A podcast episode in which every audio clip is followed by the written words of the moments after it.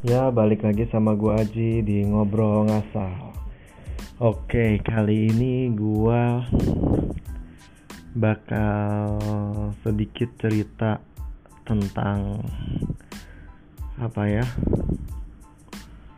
Progres gue mencari pekerjaan baru gitu ya. Jadi kan eh, beberapa kali di podcast ini ada aja kayak gue berusaha ingin masuk ke mungkin unicorn atau perusahaan konsultan IT gitu. Yang penting gue mau fokus di bidang developer gitu ya. Karena selama ini kan gue kerjanya sebagai help desk gitu troubleshooting. Perangkat-perangkat apa perangkat-perangkat komputer di kantor gitu. Tapi gue basic dari kuliah itu programming gitu. Jadi gue mau fokus deh ke programmingnya gitu. Alhamdulillah uh, udah dapet. Tapi ternyata setelah dapet malah bukan nggak seneng ya tapi bingung malah bingung gitu. Setelah dapet terus apa gitu kan? Dan jujur aja gue deg-degan ya karena uh, ini kantor pertama di mana mungkin bisa dibilang gue berusaha sendiri untuk nyarinya gitu.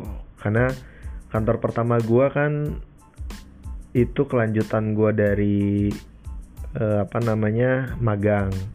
Kantor kedua gue gue diajak temen gue yang bikin perusahaan gitu.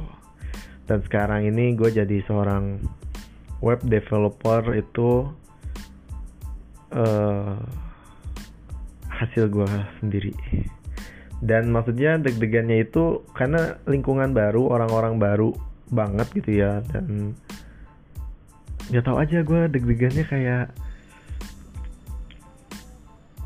nervous mungkin ya karena udah ngebayangin duluan gitu kan gue orangnya overthinking ya. Udah ngebayangin nanti di sana gimana perkenalannya gimana atau bahkan belajar bahasa pemrograman barunya gimana gitu. Karena gue nggak ada gambaran sama sekali untuk dunia programming atau developer ini gitu.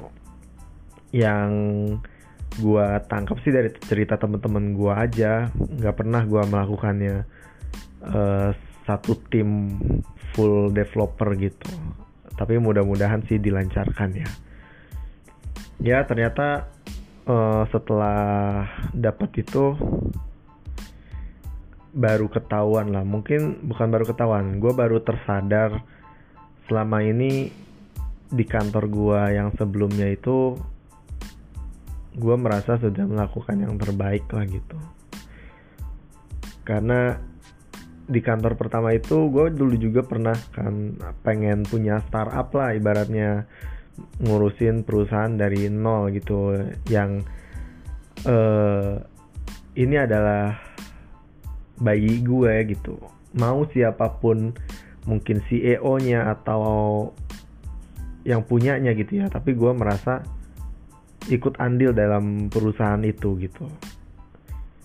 Ketika gue sudah menanamkan nilai-nilai perusahaan mungkin di dalam diri gue tapi ternyata pada prakteknya entah timnya kurang cocok atau miskomunikasi ya tantangan organisasi seperti biasa lah. Cuman yang gue pegang bener ya yang gue yakini betul dalam sebuah organisasi itu ketika ada masalah tapi tidak diobrolin secara terang-terangan gitu ya mau lu apa mau gue apa dan masalahnya di mana itu bakal menjadi mungkin kayak kanker atau tumor gitu ya yang sedikit-sedikit menggerogoti dari dari dalam yang akhirnya ternyata ada sebuah penyakit cuman nggak diobrolin secara terbuka gitu. Karena gue dulu belajar di organisasi ketika ada permasalahan uh, misalkan suatu acara atau suatu project tidak berjalan dengan baik masalahnya di mana gitu ya obrolin aja menurut gua di mana menurut dia di mana kesalahannya ya nanti memang harus ada moderator atau yang menengahi lah. Karena uh, kalau nggak gitu kita nggak bakal tahu masalah sebenarnya apa gitu kan. Ini memang kayak perang dingin aja gitu. Kita baik-baik di luar ternyata ada aja yang bukan ada aja bahkan banyak yang dikeluhkan gitu. Tapi memang tidak ada komunikasi yang baik ya menurut gua gak worth it gitu. Kalau ditanya kenapa gua masih bertahan di situ waktu kemarin sebetulnya sih mungkin karena gue terlalu masih melihat uh, apa ya mungkin senior gue yang ngajak ke situ. Gue masih melihat siapa yang ngajak gue ke situ dan siapa di atas atasnya itu gitulah salah satu senior gue yang ikut ke situ bilang jika ada suatu masalah lu tinggal pilih mau anggap ini adalah sebuah masalah atau tantangan gitu. Ya kalau misalnya masalah ini sebuah masalah yang mungkin lu tidak kuat ya lu berhak juga keluar nggak apa-apa. Tapi kalau emang lu merasa tertantang dan lu udah komitmen untuk membantu ya bertahan gitu. Tapi kadang idealisme kayak gitu gak sejalan lurus dengan kebutuhan gitu ya. Uh, eh, gue ya selalu aja berpositif thinking dan mencari alasan bahwa masih ada sesuatu hal yang patut disyukuri gitu. Kayak gaji gua yang 50% itu pas banget untuk bayar rumah contohnya. Jadi memang rumah gua selamat gitu. Meskipun keseharian nggak tahu gimana. Kayak gitu sih.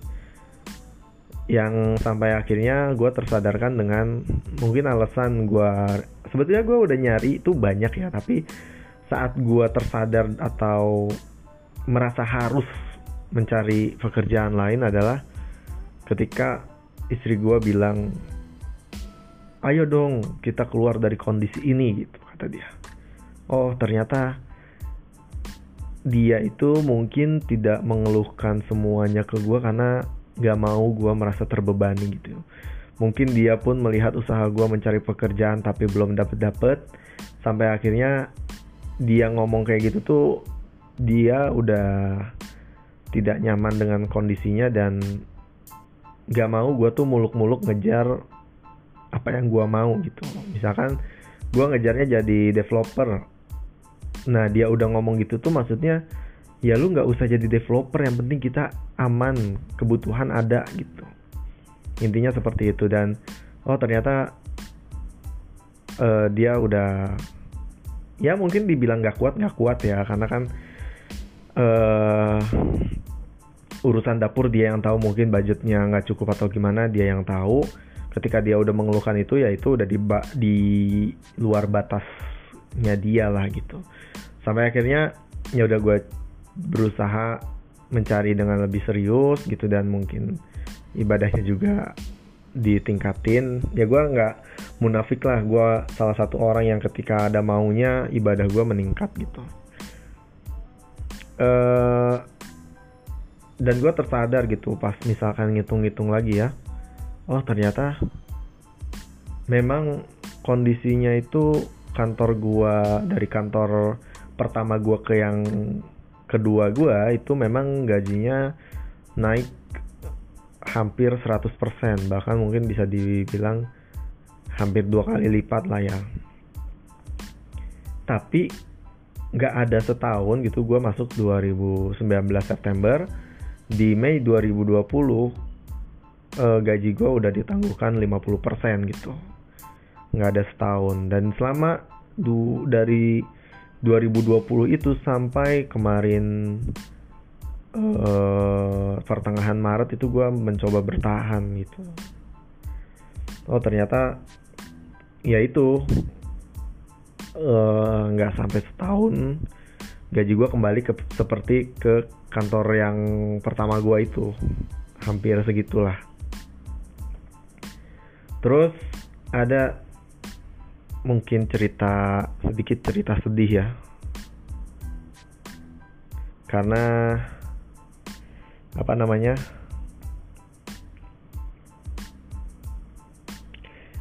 Karena kondisi yang tidak memungkinkan dan sangat cukup itu ngepas lah buat rumah gue doang yang tadi gue bilang gue berusaha nyari alternatif gitu ya. Sampai akhirnya gue kepikiran untuk mencairkan BPJS ketenaga kerjaan gue gitu.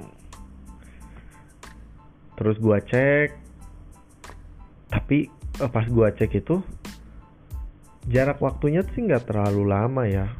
Nggak terlalu jauh gitu dari kantor pertama gue sampai yang kemarin terakhir itu.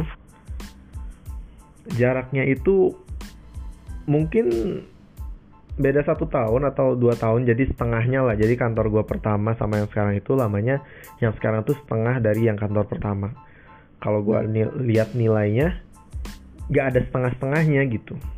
Si kantor kedua gue ini kan harusnya jumlahnya setengah dari jumlah BPJS ketenaga kerjaan gue tuh harusnya setengah dari kantor pertama kan. Terus pas gue lihat ya gue hanya bisa berharap ke situ gitu karena gue belum bisa atau belum mau minjem banyak minjem ke orang gitu.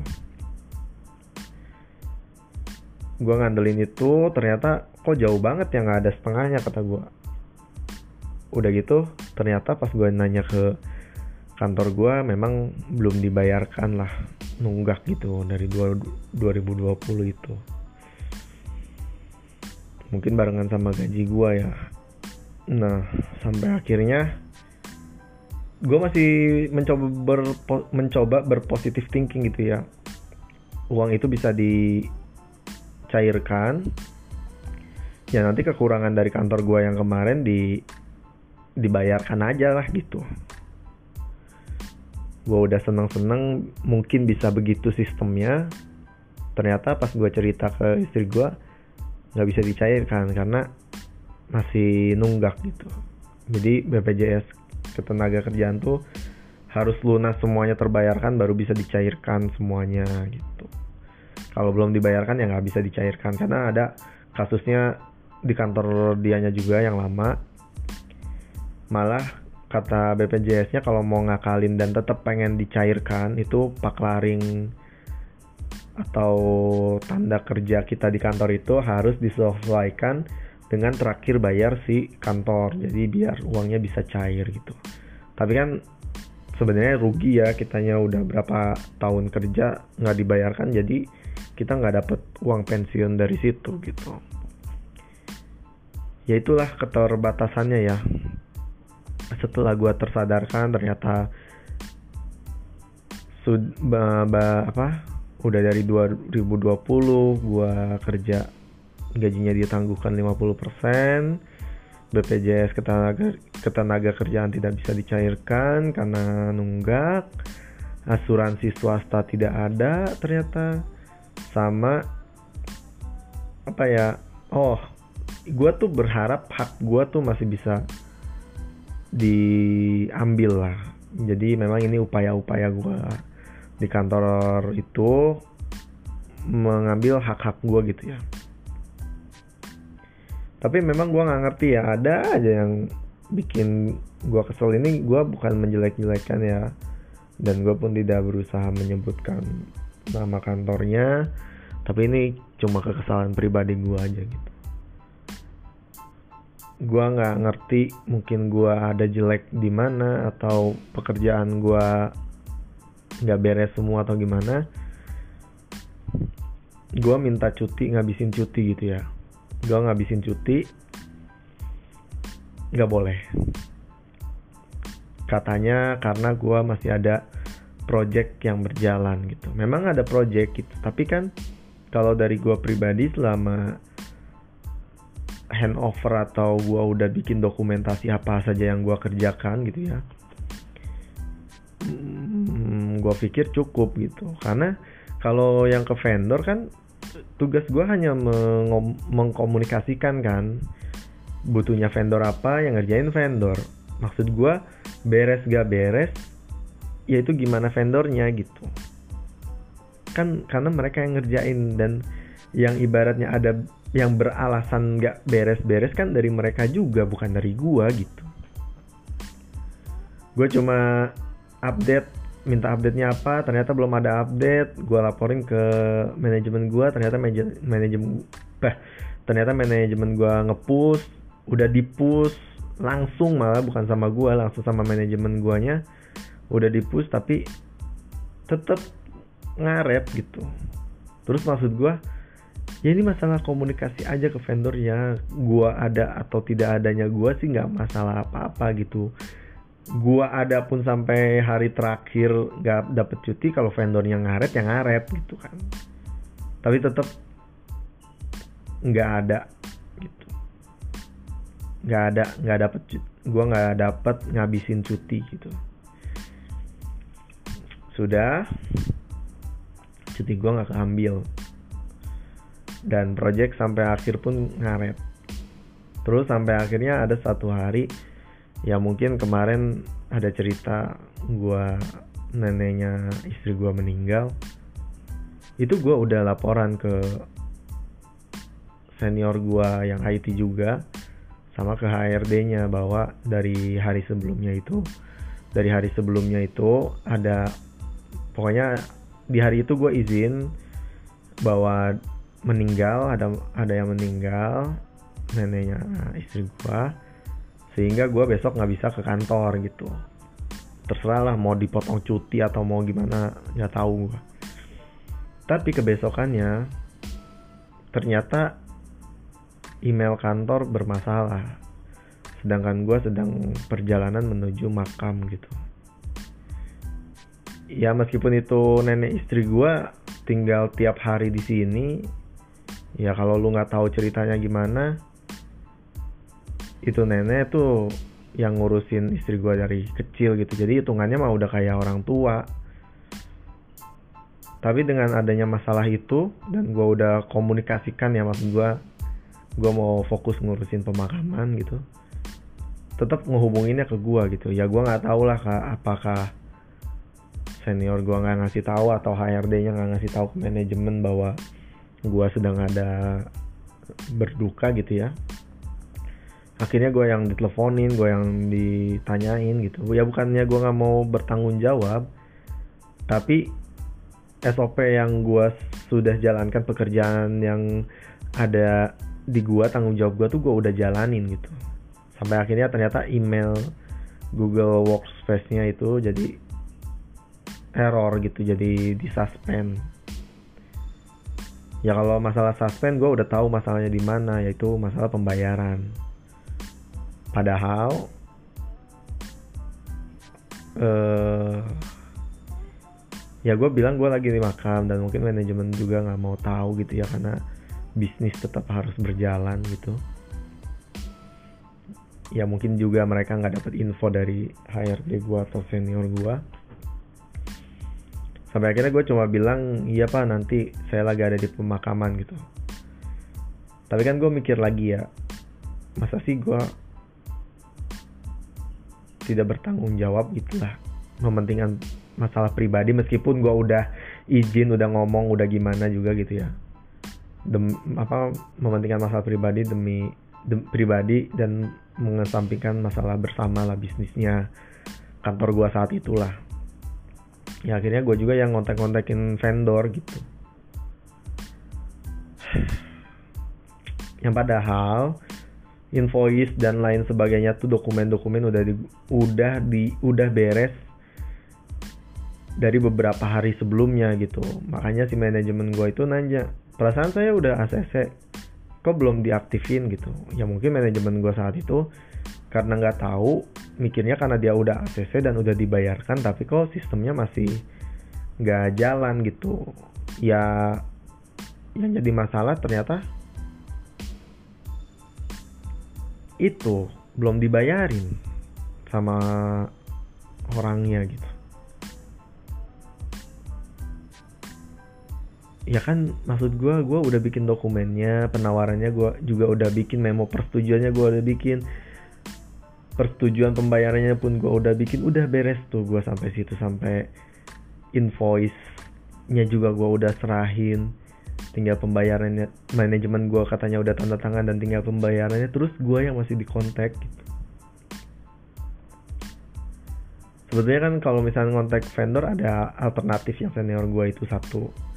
Kedua kalau misalnya masalahnya pembayaran ya tinggal nanya mas apa keuangan kantor aja udah dibayarkan atau belum? gitu kan. Ya itulah maksudnya gue nggak dapet cuti uh, saat gue berduka pun masih dalam tanda kutip digangguin gitu ya. Karena kan gue juga gue harus siap-siap turun turun ke liang lahat buat nurunin mayitnya gitu. Gue pengen aja gitu ya itu bakti gue ke orang tua yang istri gue urus lah gitu di sini. Di rumah. Itu masih diganggu. Terus uh, ya itulah. Gue nggak ngerti. Sampai hari hari terakhir tuh kan gue hari terakhir tuh gue tanggal 15 sedangkan jadwal gue kan kantornya lagi WFH gitu ya. Lagi selang-seling. Gue dapet tanggal ganjil. Eh gue dapet tanggal lupa gue. Gue tanggal genap. Sedangkan terakhir gue tanggal 15 yang ganjil itu pas gue masuk tanggal 14 nya tuh gue udah kayak orang goblok tau gak gue izin ke manajemen gue untuk izin langsung gitu ya. Gue menghormati gue masih menghormati dan itu karena lebih tua dari gue jadi gue menghormati manajemen gue gitu. Gue izin langsung untuk pamit karena tanggal 15 itu gue terakhir ya. Mungkin gue juga salah ya. Pamit di tanggal yang tidak sesuai tapi menurut gue intensitas bukan intensitas kalau langsung izinnya tuh akan ada emosional atau seperti apanya gitu ya. Jadi gue tanggal 15 terakhir tanggal 14 nya gue masuk gue pamit secara langsung karena besoknya gue WFH takutnya nggak bisa izin langsung gitu nggak bisa pamit langsung. Gue pamit setelah gue pamit malah ditanya emang terakhir hari ini ya enggak pak. Maksud saya mah biar pamit secara langsung aja kata gue gitu. Bisa salaman gitu ya atau ada basa-basi yang akan diucapkan satu sama lain gitu. Tapi ternyata yang ada gue malah disuruh masuk hari tanggal 15 nya gak usah eh, jangan-jangan nanti aja besok besok masuk lagi aja gitu. Padahal maksud gue tuh tanggal 15 itu ya gue berharap itu cuti gue lah gitu. WFH lah gue di rumah gitu. Tapi ternyata nggak dapet juga. Setelah gue masuk ya cuma ya cuma basa-basi aja gitu. Kerjaan juga biasa nggak ada yang masalah. Kalau handover udah semua handover gue bikin jadi gue tuh kalau handover karena takut orang yang nggak ngerti dengan apa yang gue jelasin dan nanya-nanya lagi dan lupa lagi jadi gue bikin dokumentasi semua yang gue kerjakan gitu. Dalam bentuk Word atau PDF jadi dia bisa lihat terus dari dokumen itu gitu. Udah gue lakukan juga itu dari dari jauh-jauh hari sebelum gue terakhir itu udah gue bikin udah gue bikinin gitu. Ya sampai akhirnya pamitnya juga begitu doang iya pak pamit ya. Iya thank you thank you. Mohon maaf ya gini gini gini. Ya udah cuma teman-teman deket gue doang mungkin yang minta foto atau ada deep talk lah ketika kita berpisah gitu.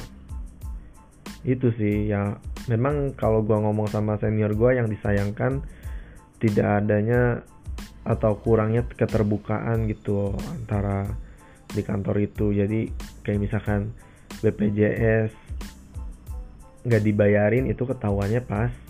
Mungkin ada yang resign dan ngecek ternyata di apa ternyata nunggak.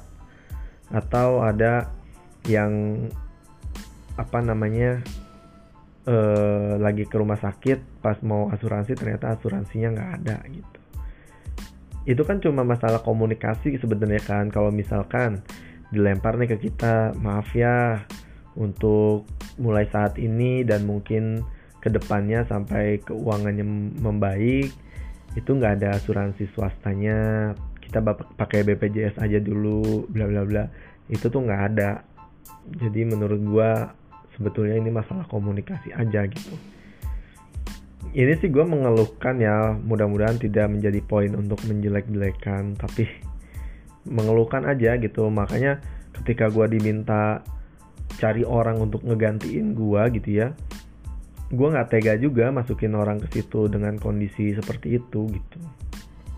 Ya akhirnya gue gue emang dan emang kebetulan angkatan gue tuh kebanyakan developer gitu. Kalau yang troubleshoot atau help desk gue nggak nggak tahu juga ada apa enggak dan dibutuhkannya fresh graduate. Gue nggak punya uh, link ke fresh graduate gitulah. Nggak deket ya itu sih. Jadi akhirnya gue resign mendapatkan tempat baru yang benar-benar baru. Seakan-akan gue mulai dari nol gitu ya. Dan sifatnya kontrak.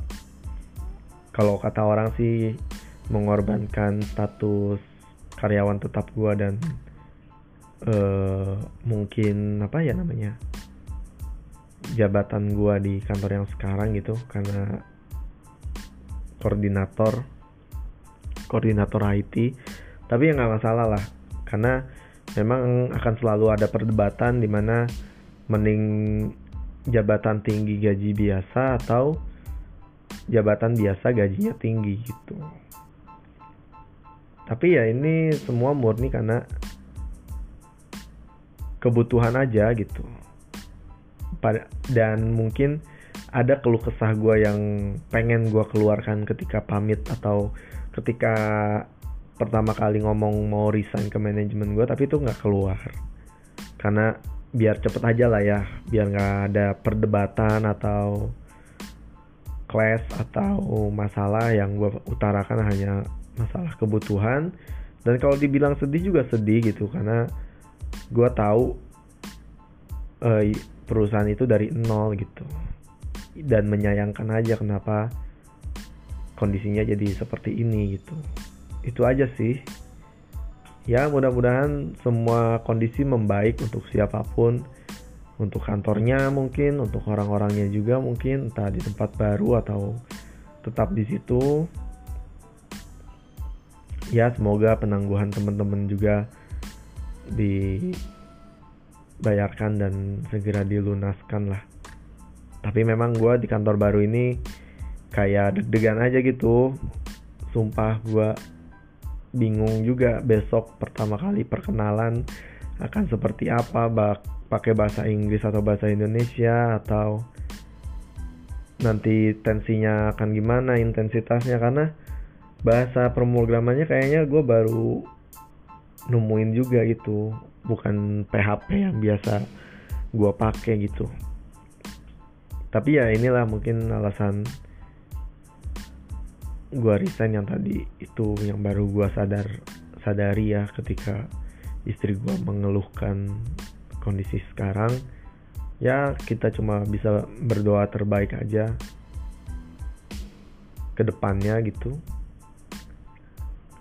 Ya itu aja sih. Ini gue nggak tahu ya kalau misalkan poinnya lebih ke ngejelek-jelekin gue sangat minta maaf tapi maksud gue ini hanya mengeluhkan gitu. Kenapa sih gitu? Gue gua udah nggak dapat hak dari BPJS TK dari asuransi swasta. Cuti aja nggak di ACC gitu. Cuti nggak di ACC gue lagi pemakaman pun kondisinya malah nggak ngenakin gitu gitu. Ya mungkin orang biasa aja karena gue orangnya lebih diem gitu ya nggak vokal. Sebetulnya gue orangnya berusaha untuk memahami kondisi gitu. Tapi yang jadi pertanyaannya orang lain emang ngerti kondisi kita gitu. Ya segitu aja sih. Mudah-mudahan diberikan kesehatan semuanya. Dan diberikan yang terbaik uh, ya petualangan baru dimulai untuk diri gue sendiri mulai hari esok. Mudah-mudahan lancar. Ya sekian dulu dari gue bye bye